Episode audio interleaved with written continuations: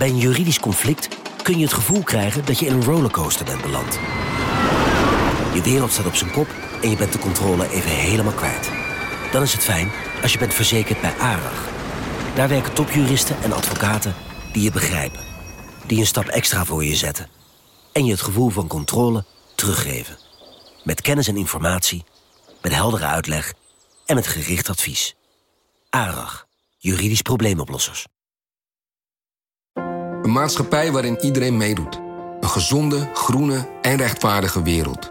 Daar willen jij en heel veel andere mensen best iets aan bijdragen. In het klein en in het groot. Dicht bij huis en ver weg. Zo hebben we vorig jaar 349 miljoen euro bij elkaar gebracht. Miljoenen waarmee onze goede doelenpartners de wereld elke dag een beetje beter kunnen maken. Nationale Postcode Loterij. Samen voor een betere wereld. Vanaf de redactie van NRC het verhaal van vandaag. Mijn naam is Thomas Rup.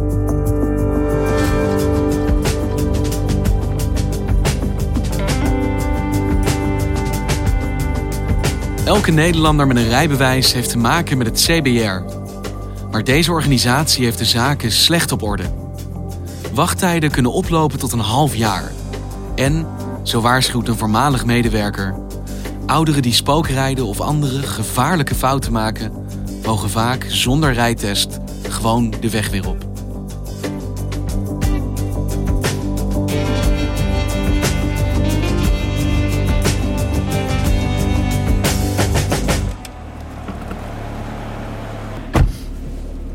Heeft u de hond in het oog? Ja. Dax, kom. Kom maar. Dax, kom. Eind december stapte ik in de auto met Frans Korstens. Hij is een gepensioneerd internist en heeft zelf een dwarslesie. Toen hij een jaar of 13, 14 was, is hij van het dak gevallen. En sindsdien zit hij in een rolstoel eh, en kan dus niet lopen, maar wel autorijden. Shaila Kamerman is binnenlandverslaggever en maakte dit verhaal samen met Karel Berghout. Dus dit is het gas, zo. En dit is de rem. Dat zit gewoon op die pedaal. Dus Ah, het ja, is doodsimpel eigenlijk. Hij heeft een auto met handbesturing. En dat is eh, gas geven en remmen gaat precies zoals wij met ons voeten doen, maar dan met zijn hand. Ik zat bij hem in de auto omdat hij eh, ouder is dan 75. Of hij is eh, 75 geworden. En iedereen die 75 wordt, moet een verlenging aanvragen van zijn rijbewijs. Maar ook gekeurd worden. Het is een hele standaard keuring. Ogen, eh, oren, nou ja, een soort algemene keuring. Maar komt daar iets uit wat ze verder willen checken, dan ga je, word je doorgestuurd naar een specialist. Stel, eh, je bent misschien dementerend, dan ga je naar een neuroloog en die kijkt dan van is deze meneer of mevrouw echt dementerend of valt het allemaal erg mee en kan die gewoon zijn rijbewijs verlengen. En dit geldt voor elke Nederlander eh, met een rijbewijs die 75 wordt, die moet door zo'n keuring. Of er moet in ieder geval worden gekeken, mag jij blijven rijden? Ja. Dus Frans Korstens die zou 75 worden en hij kwam ook op dat moment van mag hij blijven rijden? Ja, al voor zijn 75ste had hij zijn eh, verlenging aangevraagd en een keuringsrapport eh, eh, laten opstellen en verstuurd. Het grote probleem is dat bij het CBR enorme wachtlijsten zijn. Dus hij belde na een week of tien van hoe staat het nou met mijn, met mijn keuringsrapport. Heb ik daar al een soort van uitslag van. Na twaalf weken belde hij weer. Na 16 weken weer. En telkens was het nog niet gefixt. Want je moet natuurlijk eerst moet je drie kwartier aan de telefoon. U bent de eerstvolgende die eh, wij te woord zullen staan. Alleen dat duurt dan drie kwartier. Ja. En de meeste mensen. Maar de datum dat zijn rijbewijs zou verlopen, naderde. En hij, dat is natuurlijk ontzettend vervelend sowieso. Want dan mag je niet meer in je auto rijden. En zonder geldig rijbewijs is je, ben je niet verzekerd en is bovendien strafbaar om te rijden. Maar eh, voor hem was het nog veel vervelender, omdat hij gewoon aan huis gekluisterd is. Er is hier in feite er is, eh, geen openbaar vervoer. Wat ik kan doen, en ik zal u straks de weg wijzen. eh, ik, ik kan anderhalve kilometer door het bos gaan over een fietspad.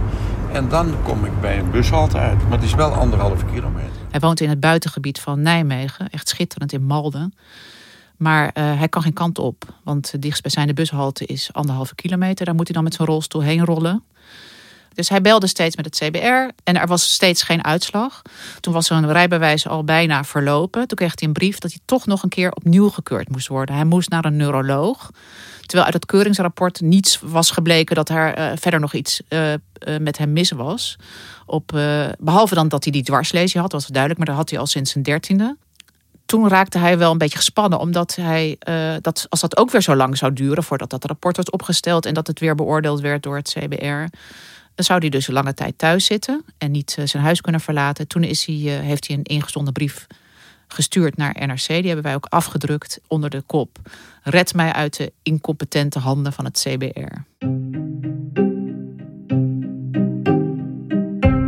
Op 1 september aanstaande verloopt de geldigheid van mijn rijbewijs de dag dat ik ook mijn 75ste verjaardag vier.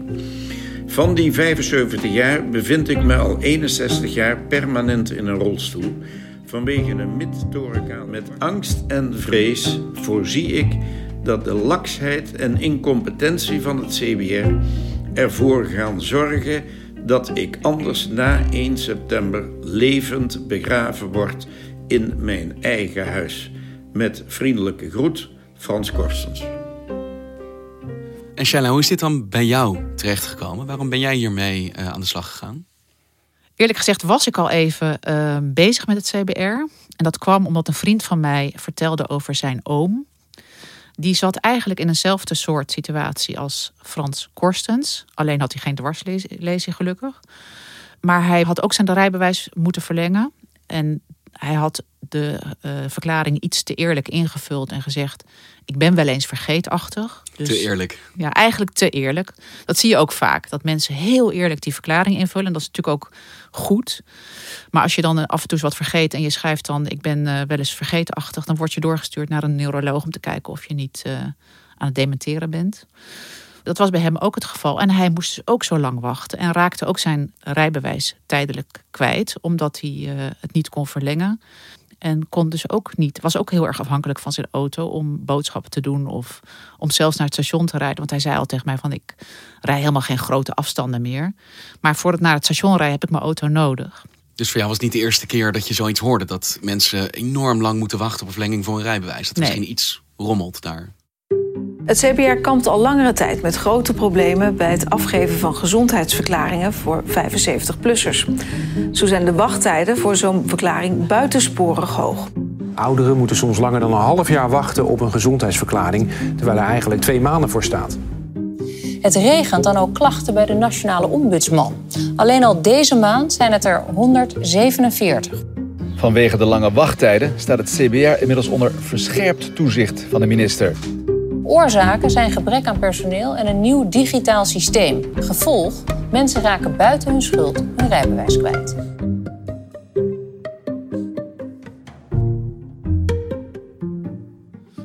Hey, en Shaila, mijn enige ervaring met het CBR is eigenlijk de traumatische dag dat ik ging afrijden. En de tweede en derde keer dat ik dat moest doen.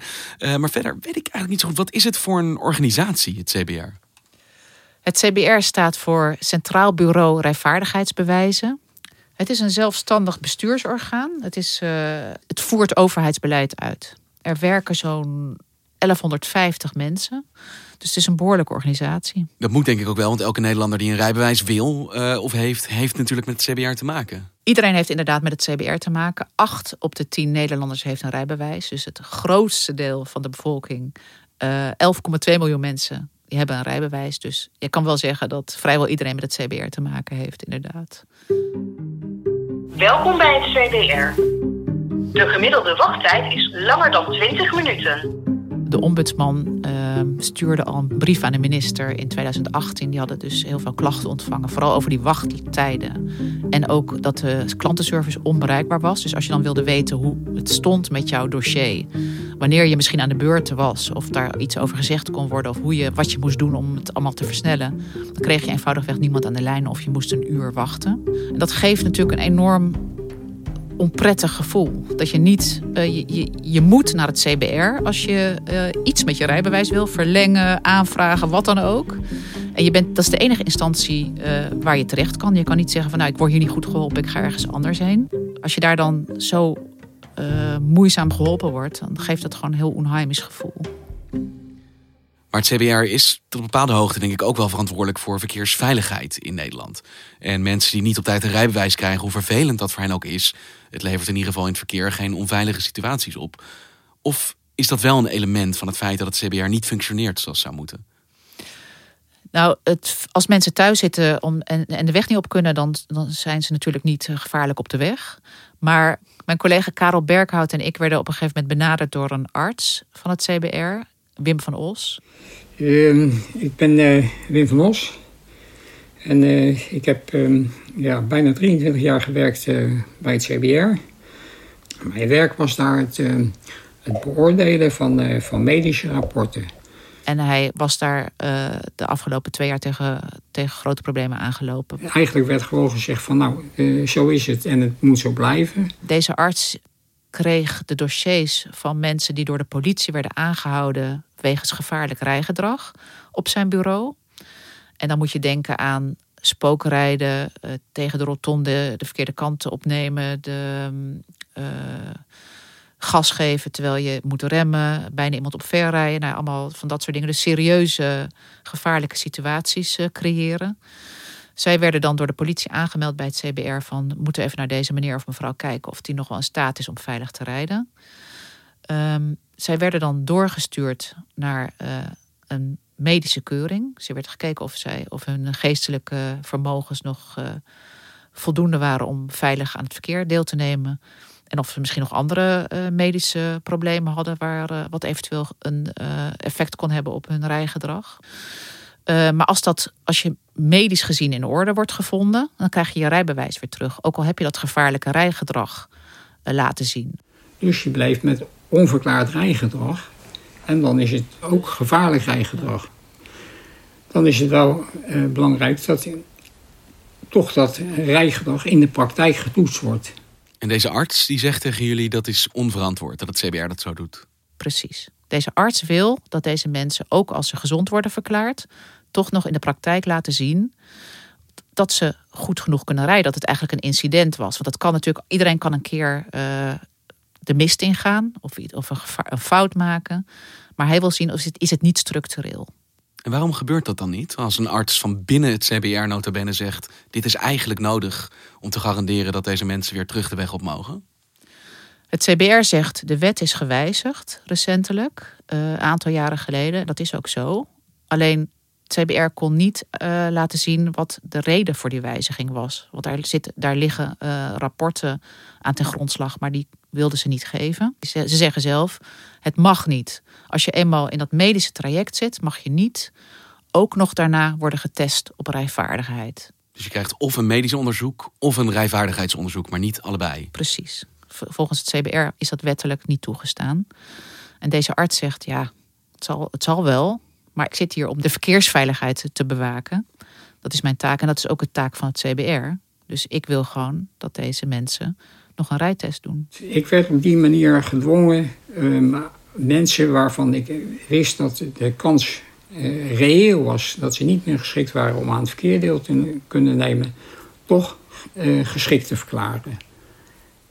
En als je een arts van binnenuit hebt die dat zegt, waarom verandert dat dan niet? Waarom doet het CBR daar dan niets aan?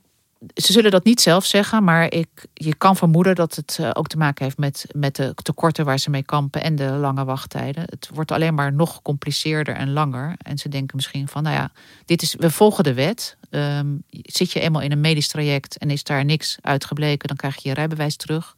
Dus er is er niet uh, uh, wettelijk gezien geen reden om voor ons ook nog een rijvaardigheidstest op te leggen. Dus dat doen we dan niet. En niet de capaciteit nog verder op te rekken. Precies, ja. Maar dan leveren die tekorten wel potentieel gevaarlijke situaties op. In ieder geval volgens deze arts. Ja, ja, precies. En hij zegt ook, dat heb ik ook gemerkt. Want in de tijd dat het nog wel mocht, zag ik dat mensen die dan alsnog een rijtest gingen doen, dat daar ongeveer de helft van uh, niet geschikt was om de weg op te gaan. Dus die werd alsnog, tegen hen werd gezegd, je moet je rijbewijs inleveren. Uit eigen onderzoek kwam ik ongeveer op, op tegen de 40 procent. Uh, collega's van mij hadden zelfs nog wat hogere percentage ongeschikt waren. Het gaat om enkele tientallen per jaar. Het, uh, hij schat zelf ongeveer 60 op basis van ervaring. Maar uh, dat, uh, ja, het zijn er wel 60 te veel per jaar. En waarom stapt hij dan naar jou, naar jullie? En verandert hij dat dan niet van binnenuit het CBR? Hij is, het is echt een keurige man, ik kan het niet anders zeggen. Hij heeft ook uh, eerst bij zijn leidinggevende gevraagd uh, om een gesprek. En hij heeft het uh, uitgelegd, het probleem. En hij, is, hij kreeg geen gehoor. Hij is steeds een stapje hoger gegaan. Tot de allerhoogste baas heeft hij aangeschreven. hij kreeg geen gehoor. Is hij nog naar de tweede, langs Tweede Kamerleden gegaan. Die vond, vonden het ook een zorgelijke ontwikkeling. Maar daar werd niet direct iets mee gedaan. En uiteindelijk is hij pas naar de pers gestapt, omdat hij dacht van ja, ik vind het gewoon, ik kan dit niet voor mijn verantwoordelijkheid nemen. Nee, dat, dat wilde ik absoluut niet. Dat wilde ik absoluut niet. Nee, omdat de gevolgen soms heel groot kunnen zijn. Als mensen ongeschikt eh, zijn om aan het verkeer deel te nemen en die dan toch mogen blijven rijden, dat wilde ik niet, nee. Dus stapte hij op? Dus hij is weggegaan, ja. En wat zegt het CWR er dan van als jullie hen geconfronteerd hebben met wat deze arts jullie vertelt? Het CBR zegt van we zien het probleem, maar we mogen niet iemand die we medisch hebben getest ook nog een rijtest opleggen. En wij willen ons gewoon heel strikt aan de wet houden. Maar het lijkt wel alsof deze organisatie, het CBR, dus problemen heeft in de manier waarop ze met de ouderen omgaan. Want we hebben dus dat voorbeeld van uh, uh, Frans Korstens, die thuis zit, mogelijk zijn rijbewijs niet verlengd krijgt, terwijl hij wel zou moeten kunnen rijden. En we hebben dus ongeveer 60 ouderen die nog mogen rijden, waarvan een arts binnen het CBR zegt: ja, die zouden eigenlijk uh, niet meer in de auto mogen stappen. Ja, dat klopt. Dat is ook heel tegenstrijdig eigenlijk. Ja, met name ook vanwege de vergrijzing natuurlijk de problemen alleen maar groter moet gaan worden. Want Nederland krijgt steeds meer ouderen. De hele babyboomer generatie die is straks 75 plus. Kan die organisatie dat dan aan? Ja, nou ja, ze, zei, ze zeggen dat ze met, met verbeteringen bezig zijn. Uh, Alexander Pechtold is aangetrokken als, uh, om het allemaal als probleemoplosser. Hij uh, zou het allemaal vlot moeten trekken. Al anderhalf jaar is het namelijk een puinhoop bij het CBR, de organisatie die de rijbewijzen verstrekt. en hij is nu hier. Dit is echt een puinhoop, hè? Nou, het is een, eh, een enorme uitdaging. En de organisatie heeft een uitdaging. Een structurele uitdaging. Uh... Zo'n hele structuur van een organisatie veranderen, dat doe je niet in een paar maanden. En inderdaad, de vergrijzing neemt alleen maar toe. Dus er zullen steeds meer mensen komen die uh, zo'n keuring uh, moeten ondergaan en dan wellicht nog verder moeten worden gecheckt. Ja, want wat moet er veranderen binnen het CBR om die problemen op te lossen? Om te zorgen dat die wachtlijsten verdwijnen? Ze moeten hun interne uh, beleid gewoon veel strakker op een of andere manier organiseren. Zorgen dat dat ICT-systeem werkt. Zorgen dat er meer mensen uh, werken. Dat, het gewoon veel vlotter gaat. En het lijkt mij ook niet zo gek om naar zo'n noodkreet van een, uh, een eigen arts, om dat heel serieus te nemen. En Frans Korstens, ehm, heeft hij uiteindelijk zijn rijbewijs gekregen. Frans Korstens, dat is eigenlijk heel grappig, werd een dag nadat zijn brief in de NRC werd gepubliceerd, werd gebeld. Terwijl hij was net op weg naar die neuroloog. Dus zijn vrouw die nam de telefoon aan die zei... Ja, hij, hij is dus net naar, naar die keuringsarts waar jullie hem heen hebben gestuurd. Ik was gekeurd, ik had 100 euro betaald. Oh, het was een, een foutje. Uh, het was eigenlijk helemaal niet nodig geweest. Ik zeg, dat fijn als u dat dan eerder, iemand dat eerder gezegd had. Nee, maar u krijgt die 100 euro ook weer terug. Dat heeft wel twee maanden geduurd. Dat heb ik ook gehad. Dus hij heeft zijn rijbewijs daarna kunnen verlengen zonder problemen. Iedereen die uh, in de krant komt, die heeft, uh, wordt binnen kortste keren wordt het zaak opgelost. Maar het is wel een pijnlijke constatering dat dat dus nodig is om het een beetje snel afgehandeld te krijgen daar. Ja, dat is het zeker, ja. Dankjewel, Shaila. Graag gedaan.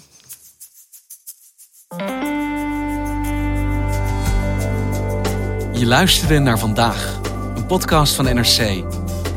Eén verhaal, elke dag. Dit was vandaag, morgen weer.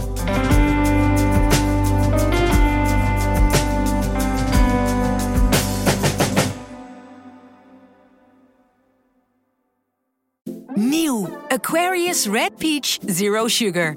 Met zijn heerlijke frisse persiksmaak zonder suiker draagt Aquarius bij tot jouw dagelijkse hydratatie en helpt zo mee om je vochtbalans op peil te houden tijdens alledaagse actieve momenten.